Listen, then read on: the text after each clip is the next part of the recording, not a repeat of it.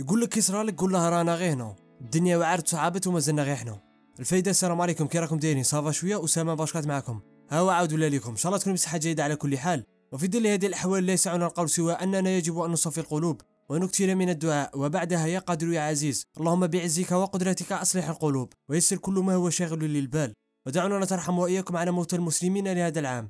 ربي يرحمهم ويسكنهم في صحة جناته. وألهم داويهم يا رب الصبر والسلوان. سيفري إحنا شبابنا عام تعزى هواه بصح لا يجب أن ننسى ملتنا أو نتناسى ما نحن في الأصل عليه.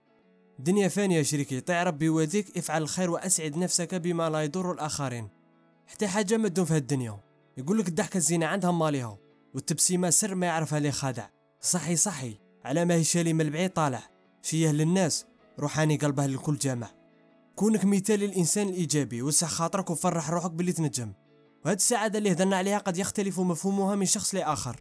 كل إنسان وطريقته في الترفيه عن نفسه. كاين اللي يبغي sport كاين اللي يبغي les films كاين اللي يبغي les séries كاين اللي يبغي المطالعة. وأنا عن نفسي جمعهم كاع وزيد لهم موسيقى. كما قال رافال الراب ثقافة نكونسوميها أكسجين ماشي أنا اللي خيرت تلقاوها عندي في l'ADN. أنا إنسان رشقتي في الألبومات التي تصدر كل عام من فناني المفضلين. بالمعنى الحقيقي ألبوم ماشي مجرد أعمال كانت منسية تم جمعها ثم وضعها في تيب وقال لك تفضلوا دمروا بها إلى حين صدور العمل الكبير لا. وهذه اللي تخليني أفضل متابعة والاستماع إلى العديد من الفنانين الغير مشهورين.